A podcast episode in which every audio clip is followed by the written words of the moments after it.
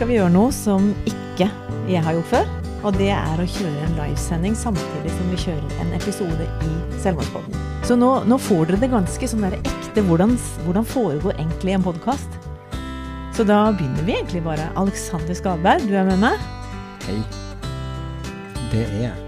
Ja. Og det føles veldig godt. Så bra. Altså, vi har bare funnet tonen, Alexander og meg, så det er litt rart etter bare én dag og kanskje et par meldinger tidligere.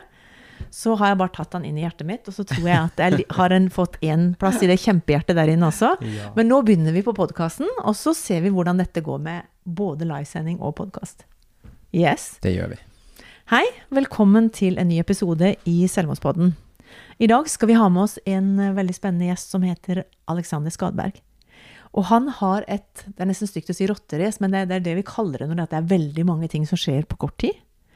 Så Alexander han har hatt to foredrag nå. Ett på ungdomsskolen i Lillesand, ett på videregående.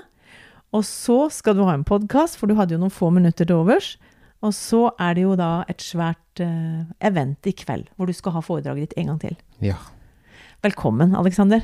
Tusen hjertelig takk. Det er veldig godt å få lov til å være her og, og få lov til å snakke om, om ting som jeg syns er viktig. Og du sier at jeg har vært på et sånt rotterace, og det um, har man jo. Men så sier jeg det at um, jeg er liksom veldig Altså, når jeg allerede er aktivert, da tenker jeg at da kan jeg bare fortsette å være aktivert til eh, vi er ferdig med denne arbeidsdagen her, da. Eh, men ja, det, det har vært gøy å komme til Lillesand og få lov til å oppleve ungdommene, og så ikke minst komme hit til Selvmordspodden. Det er veldig koselig å bli invitert. Du lærte meg noe i stad, så jeg gjorde egentlig det òg. For jeg kjenner jo at det har vært liksom ganske mange timer med jobbing i det siste. Og så sier du det at ja, når du er ferdig med et foredrag, så bare akkurat som du setter deg til eh, i nullstiller deg, eller et eller annet sånt, og så er det bare 'Dette er mitt første foredrag. Nå har jeg fullt energi.' Så tenkte jeg det skal jeg jo gjøre. Dette er første foredrag vi er på, og nå skal vi Ja. kjøre på. Det er liksom det å kunne nullstille seg og si at uh, nå starter arbeidsdagen. Og når jeg har tre foredrag på rad, eller fem på rad, så pleier jeg å si at uh, vi må bare starte på nytt. Eh, og det er litt av fordi at jeg mener at energinivået mitt skal jo være det samme på hvert foredrag, og så vil jeg at folk skal sitte igjen med det samme etter hvert foredrag. Det kjipe av marerittet er jo hvis noen sier han, altså han så så sliten ut. Det vil man jo ikke. Men man forstår jo det også, for man snakker jo om et tema som er kjempealvorlig, og som er, er Som gjør noe med folk, da. Så det Folk forstår det, men, men jeg ønsker å være på når jeg er på. Så da handler det om å bare omstille seg. Prøv på det. Du har holdt på med foredrag i ti år. Mm. Hvor gammel var du når du begynte? Jeg begynte når jeg gikk på Mosjøen videregående skole, avdeling Skippermoen. Og da fikk jeg en oppgave eh, altså det her var altså tredje videregående. Jeg fikk en oppgave som lyd som følger Hvem er du, og hvordan har du blitt deg? Det som er interessant her med denne historien, som veldig mange eh, ikke vet, eller få vet om, er, er at, eh, er at eh, to uker før jeg skulle holde dette innlegget her, eh, så fikk vi en annen oppgave i altså naturfag. Og jeg stutra og stamma og klarte ikke å komme frem til et eneste ord. Jeg husker jeg så på læreren min og sa Kan jeg være så snill å få gå ned herifra? Kan jeg få sette meg? For det her, det her er så jævlig. Redd meg, liksom. Ja, redd meg, liksom. Ehm, og så fikk vi denne oppgaven her. Hvem er du, og hvordan har du blitt deg? Og da uh, fikk jeg plutselig en mulighet til å fortelle alle elevene om hvem jeg var, min historie, mitt liv. Altså, Men åssen i huleste blei du så modig? Du var 18 år gammel. jeg ble bare pusha ut i det, fordi jeg ville jo ha karakterer på skolen. Og jeg kan ikke hoppe over en oppgave. Jeg hadde liksom ingen fravær. Og jeg tenkte at dette året her, det er mitt år. Nå har jeg gått to år matfag før og kom på liksom tredjeåret, første videregående igjen. Gikk på skole i lag med folk som var to år yngre enn meg. Um, så dette måtte jeg få til, da. Så da pusha jeg meg ut i det, og så, og så gjorde jeg det. Og jeg stamma ikke én gang. Og jeg skjønte ikke Når du som sa det i går, at du, du egentlig stamma. mm. Det er jo ingen som kan høre det. Nei, man kan høre det i, i noen sammenhenger, så kan man gjøre det. Og, men folk har kommet til meg nå og sagt i ettertid at men det er jo litt sjarmerende. Og da blir jeg litt sånn der eh, Kvinne 40 pluss, hva er sjarmerende med det? Liksom, sant? Men, eh, men jeg tenker at eh, jeg begynner å bli vant til at jeg er sånn, og at jeg gjør sånn. Og så møter jeg mange andre som er sånn, og som har de vanskene eller problematikken med løpsk tale, som det også heter så fint. Og du har jo ikke bare denne utfordringa. Altså Dere som ikke har vært på foredraget, jeg må bare si det nå også, dere som ser live. Dere må komme i kveld klokka syv på Lillesand ungdomsskole. For at du må liksom oppleves, du. Der og da. Det er liksom ferskvare. ikke sant? Det er klart at Du er på sosiale medier, og du har blitt uh, ganske kjent uh, rundt forbi mange forskjellige miljøer. Men det å få, få oppleve det, og den storyen du har For du har jo en veldig spesiell story. Mm. Du har ikke noe A4-liv. Nei. Så veldig kort, sånn de der hovedlinjene, hva slags ting er det egentlig du har opplevd og vært utsatt for? Kort og godt så er jeg adoptert sammen med en storebror fra Colombia. Vi er begge to adoptert til en, eh, en familie oppe i Bodø. Eh, vokste opp med en far som eh, eh, var alkoholiker, og en storebror som begynte å selge sex i en alder av tolv år. Eh, og da var jeg altså åtte år, så dette er jo noe som har prega mitt liv. Og det jeg tar folk med på, er jo denne reisa da fra Alexander, egentlig åtte år, fram til i dag, da. Med det å prøve å holde følge med mitt største idol, som er min storebror, som Altså, man alltid prøver liksom å være lik, da. Mm. Så ender det jo opp at uh, vi havner i likt miljø. Vi havner i samme miljø, og vi prøver å, å overleve på best mulig vis, da. Ja. På vår måte. Så det er litt sånn Som han sier så fint, så sier han storebror, lillebror, da, nu og for alltid. Og det syns jeg er så fint. For vi så en veldig sånn rørende hilsen fra din bror. Ja, herlig. Så han er ikke flau over at du holder på med det du gjør. Selv om han er i sitt eget jeg lov å si helvete, på en måte. Det er jo ikke en god plass han er i ennå, men han er ekstremt glad i deg. Han er ekstremt glad i meg, og jeg er ekstremt glad i han. Og det jeg har skjønt på denne reisa her, er jo at vi, vi har fått lov til å reise sammen. Og vi starta livet i lag, og jeg har lyst til at vi skal holde ut lengst mulig også i lag, selv om jeg vet realiteten. Eh, og det sa jeg faktisk i dag på scenen. Og det var veldig, veldig spesielt, fordi jeg har aldri sagt det før, men nå ser jeg jo at tida begynner jo på en måte å renne ut for han òg. Og da sa jeg til at dette fotoet med og han, det er nok det fineste fotoet jeg har. Og nok sikkert også det fineste bildet jeg får. Eh, fordi at vi lever jo ikke evig. Så, eh, så for meg så er det viktig for meg å ta vare på de øyeblikkene vi har nå, da. Så den hilsninga, da, for han kom jo med hilsning til alle sammen, og med en film. Og det har jo aldri skjedd før. Så når jeg så den første gang i dag på Lillesand ungdomsskole, så blir jo jeg også veldig rørt. Det er jo nydelig. Han er jo bare kongen av alle, Liksom. Det er ganske modig gjort når han sier Jeg fikk en sånn videomelding av broren min. Jeg bare lasta han inn i forelesninga, og så har jeg ikke sett han. Det er liksom litt sånn høyrisiko. Litt Ja. sånn som vi holder på med nå. Vi vet jo ikke åssen Det er, det er høyrisikosport, men så tror jeg at det, det er jeg mest opptatt av at ting trenger ikke å være så profesjonelt. Ting trenger ikke å være laga av et uh, mediateam, som du sier så fint. At, altså, jeg syns det er ekte. Det er ekte med at man sitter her med ledninger og eh, inne i en sofa, i, og med deg. Jeg er jo så glad for det. Eh, I like måte. så, så ting trenger ikke å være så fasade hele tida, ordentlig. Og det å bare få den filmen av han inne i, fra et uh, ruskollektiv, eller et hospits, da, var han på nå, da. Det er så ekte. Og rått. Det er sånn liksom. livet er. Mm. Ja. Og det er jo litt det som er ditt budskap til disse, alle disse ungdommene som møter. Altså det var jo ganske sprøtt å se Nå var jeg på Lillesand ungdomsskole, og det var tjåka fullt med ungdommer. Og helt blikkstille. Mm. Og du snakka om ditt liv. Mm. Spesielt husker jeg at du tok opp dette med at du hadde dysleksi, Mm. ADHD, du var adoptert. Mm. Altså det var eh, dysfunksjonelle ting i familien som skjedde. Mm. Og disse tinga er du bare pip åpen med og tar der og da. Og det virker som det var veldig mange som kom ned etterpå. For jeg satt jo på sida der, så jeg, jeg fikk jo med meg at det var mange som kom og sa 'jeg kjenner meg igjen'. Mm. Og du spurte det jo litt 'hvorfor er dere så stille'? ikke sant? Mm. Det er jo fordi at eh, vet du hva, vi kjente oss igjen. Mm. Og det er godt at noen setter ord på det, da. Og det er jo dette som er beviset, mener jeg, da, på at, eh, på at ungdom, ungdommer vi har i dag, er nok de, smart, de mest intelligente vesenene eh, som går på to bein. Og så er det jo fremtida vår. Det er jo fremtidens helter. Det er jo de som skal ta vare på oss når vi ikke er her lenger, eller klarer det sjøl. Så jeg opplever dagens ungdom som ungdom som sitter med grunnleggende verdier og en grobunn for fremtida som er helt nydelig. De sitter med så mye bra, da. Og jeg har lest igjennom tilbakemeldinger og meldinger jeg har fått, og de skriver jo lange tekster. Altså om sin egen historie. Så det er alltid noen, det er alltid én i den salen der som kjenner virkelig på det, som er ekstra stille, og som kanskje ikke sier like mye hele tida.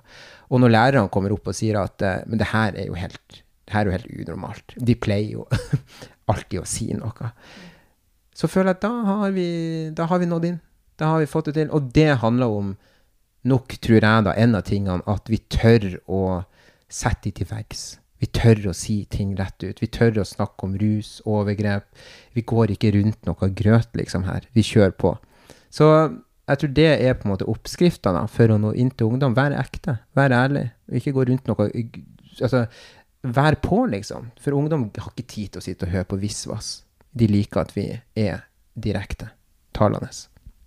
Jeg syns også det at, altså det at du står foran der og har en forelesning og forteller så ærlig og usminka om ditt liv, mm. det gjør òg at altså, Per og Pål, holdt jeg på å si, som går ut etterpå, kan si 'hva syns du for noe om det', liksom? Ja, jeg, jeg, kjente meg litt igjen. Altså, det blir en måte å hjelpe de til å åpne seg opp. Bare det at du er åpen. Mm. Vi har jo snakket om at åpenhet mm. eh, gjør at andre er åpne. Men når du har noe så konkret som f.eks. en film som alle ser sammen, eller mm. enda bedre, en live performance. Vi har, vi har snakka mm. litt sånn amerikansk. Ja, ja. Like performance, you know. Yeah. It's just like the, new. yeah.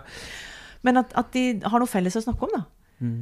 Og jeg tenker at du åpner opp det. Men hva gjør du når du får så mange samtaler, altså mange som skriver til deg, og mm. kanskje også litt sånn rop om hjelp? Hva gjør du da? Altså Min oppgave er jo at jeg er jo verken helsesykepleier eller lege eller psykolog. Og, men min opptatt, altså jeg er opptatt av å være der for dem, og jeg oppfordrer dem også til å sende meg en melding eh, hvis det er noe dere tenker på etter dette foredraget. Og så kan jeg ta en generell vurdering om hvordan jeg tenker at det her skal løses på. Og det er i mange tilfeller jeg sender de videre til uh, helsesykepleier på skolen eller helsesøster. Og uh, fikk uh, snakka med ei helsesøster i dag på Lillesand videregående som heter Ellen Kristin, tror jeg det var. Mm. Eh, og da er jo min oppgave å sende elevene videre dit. Og, og, men så ja, er det noen, noen ting Med forelesninger så har du ofte et team rundt deg som kan ta når dette det blir blir tøft for mange når du har hatt et sånt foredrag? Ja, og, så, og det er jeg veldig glad for at uh, helsesykepleierne eller helsesøstre er til stede. da. Uh, for hun var jo veldig klar til å ta imot uh, både det ene og det andre. Så vi må være Altså, det jeg snakker om, er nok også så alvorlig og river nok opp noe hos noen som jeg mener at vi må stå der etterpå også og si at hei, her er jeg, det går fint an å komme og lufte litt eller prate litt. Eller. Men så kommer de også opp til meg, da, og det syns jeg er veldig koselig. Skal ha en selfie og litt sånn òg. Ja, det, ja, det er noe koselig. Før var det autografer, nå er det selfie som er greit. Ikke sant? Enda før var det telegrammer og sånn. Ja, ja telegram, men der er ikke jeg. Altså, det, det, har jeg ikke opplevd. ennå. altså for meg så er det ekstra sterkt også at du er liksom ett år yngre enn Thomas.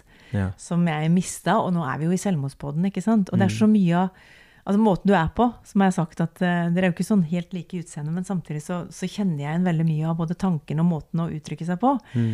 som gjør at det for meg blir veldig sterkt i forhold til at du snakker jo spesielt til unge, mm. om unge, og så snakker du ganske åpent også om, om dette med selvmord. Mm. At du tør å si det ordet. Mm. Men har du, har du hatt selvmordstanker sjøl noen gang? Ja, altså, og jeg, jeg mener Selvmordstanker er jo det er jo si, veldig individuelt hvordan de kommer. og Jeg kjenner jo det at uh, jeg, jeg, trodde jo nok jeg var han som alltid hadde livet på stell og, og, og fikk ting til. liksom, Aldri skulle tenke at jeg skulle ta livet av meg sjøl og sånn. Men det, for min del så, så, må jeg jo si at det har jeg jo hatt. Og jeg har jo vurdert å avslutte uh, på en verdig måte også, for så vidt.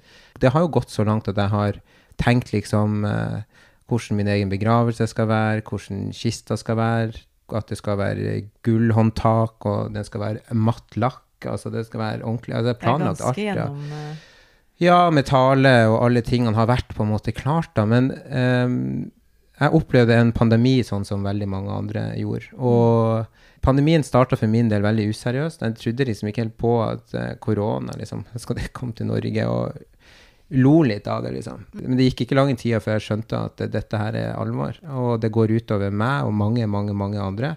Jeg har ikke hatt korona sjøl, så jeg kan ikke sette meg inn i det, men det har vært voldsomt en, en, tragedie for absolutt alle. Og da kommer jo noe som jeg er veldig redd, og det er det å være alene. Stillheten kommer, og tankene kommer. Og jeg husker jeg hadde en samtale med deg i går om det. At jeg sa det at når jeg blir alene Altså, jeg har lyst til å være med folk helt til jeg skal gå og legge meg. For da vet jeg at det kommer en dag i morgen. og men så er det sånn at folk har jo sitt liv også, så man kan ikke drive og holde folk igjen. Og liksom.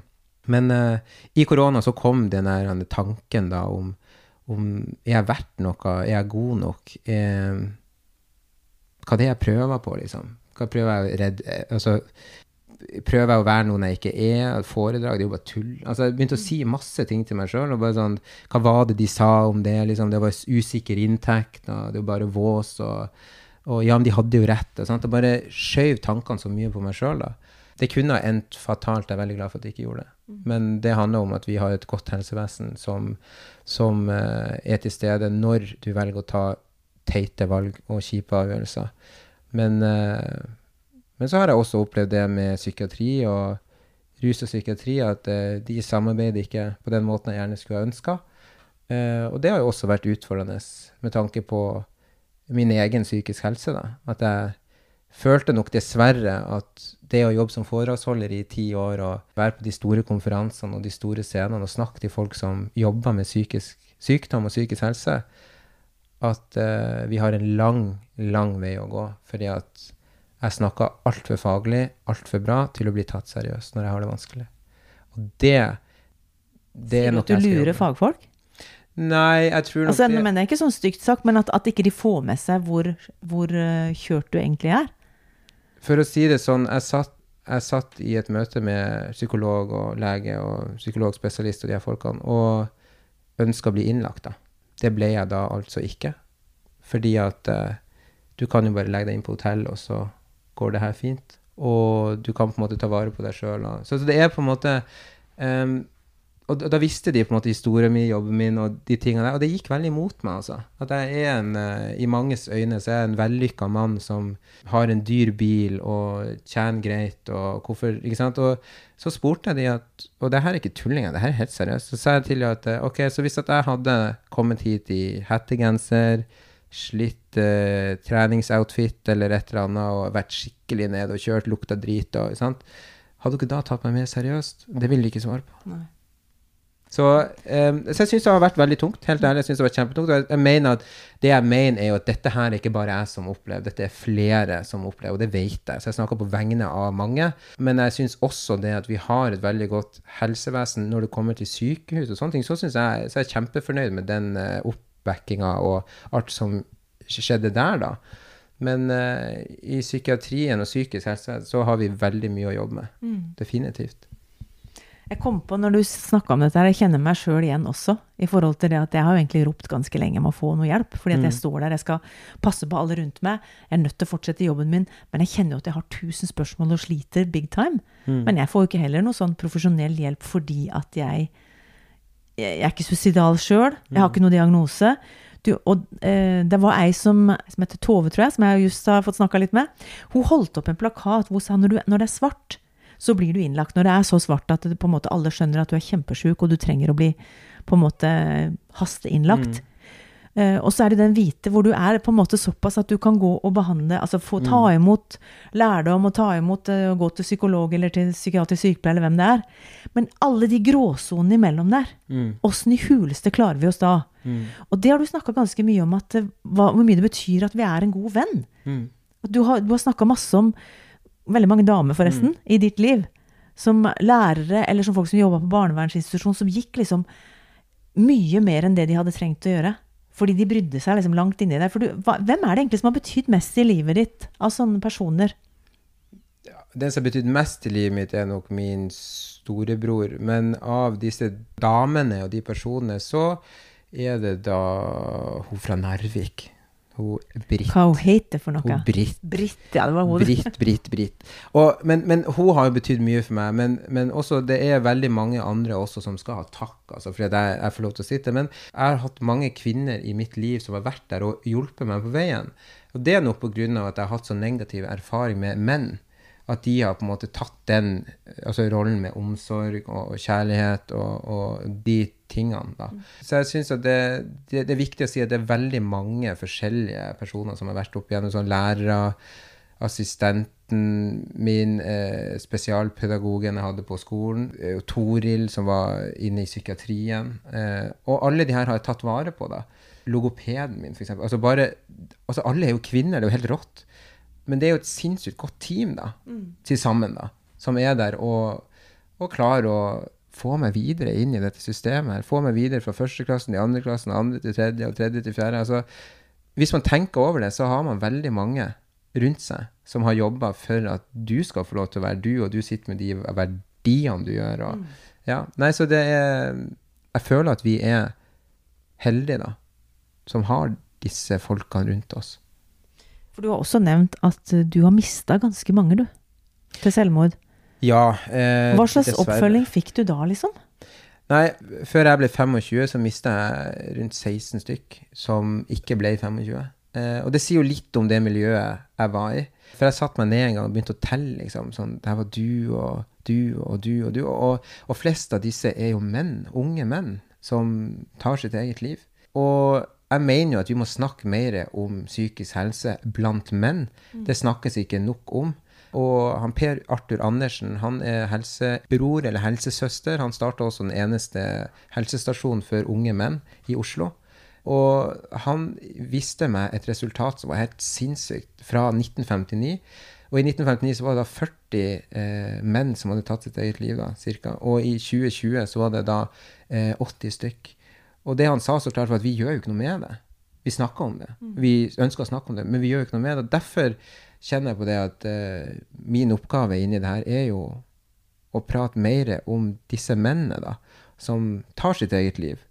Jeg ser jo det at den oppfølginga jeg fikk, var egentlig ikke så stor. Det, altså, som kompis så er det litt den der at men livet går videre. Altså, det her går fint. Og den eneste sånn fine toasten jeg var med på, var når vi hadde en fest for vedkommende etterpå. Eh, for å hylle han, da. Og det han hadde altså, gitt oss. Men etter den festen så går vi jo videre igjen. Folk glemmer liksom av det, og det kommer en hangover, og, og så skal man på jobb igjen, og så går livet videre sin vante gang. Men en av de som ikke glemmer det, er jo foreldrene. Og jeg har en venn av meg som heter Vegard. Han er jo også en som har betydd mye for meg, da. Så jeg må gå inn på YouTube og se på han for å huske hvordan han prater, hvordan han ser ut, og uh, for å minne meg på det at det var han som sa at uh, Gud, så flott jobb du gjør, så fine foredrag du holder, og det var liksom sånn Han var liksom i min heiagjeng, da. Og så plutselig skjønner jeg det at når jeg går på kirkegården, så ser jeg liksom på han, og så tenker jeg sånn Men Vegard, du skulle jo ikke bli en av de.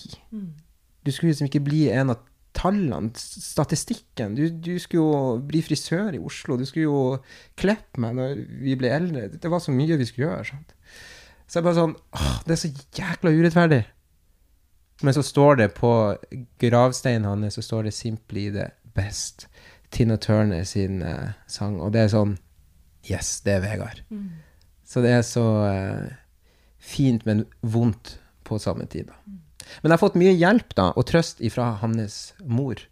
Og hun er jo ei power mom, sånn som du. Og det er jo disse mødrene her som jeg på en måte blir så imponert over, da. Som klarer å se lyset. Der borte, langt inn i den tunnelen, der, så ser de det lille lyset og det håpet om at det jeg gjør i dag, og er åpen om ting, er Du lovte at ikke du skulle få meg til å grine. Nei, jeg skal Nå ikke det. Jeg skal ikke det. Men jeg syns det er så fint. Jeg syns det er så fint. Ja. Jeg hadde jo noen sånn liste over ting jeg skulle spørre deg om, men jeg bare tenker sånn, nå, nå går det, nå skal jeg se hvor mange minutter det er. Ja, nå må vi faktisk avslutte. For jeg har bare sånne korte, når vi har Selvmordspodden, så har vi kun korte episoder. Mm.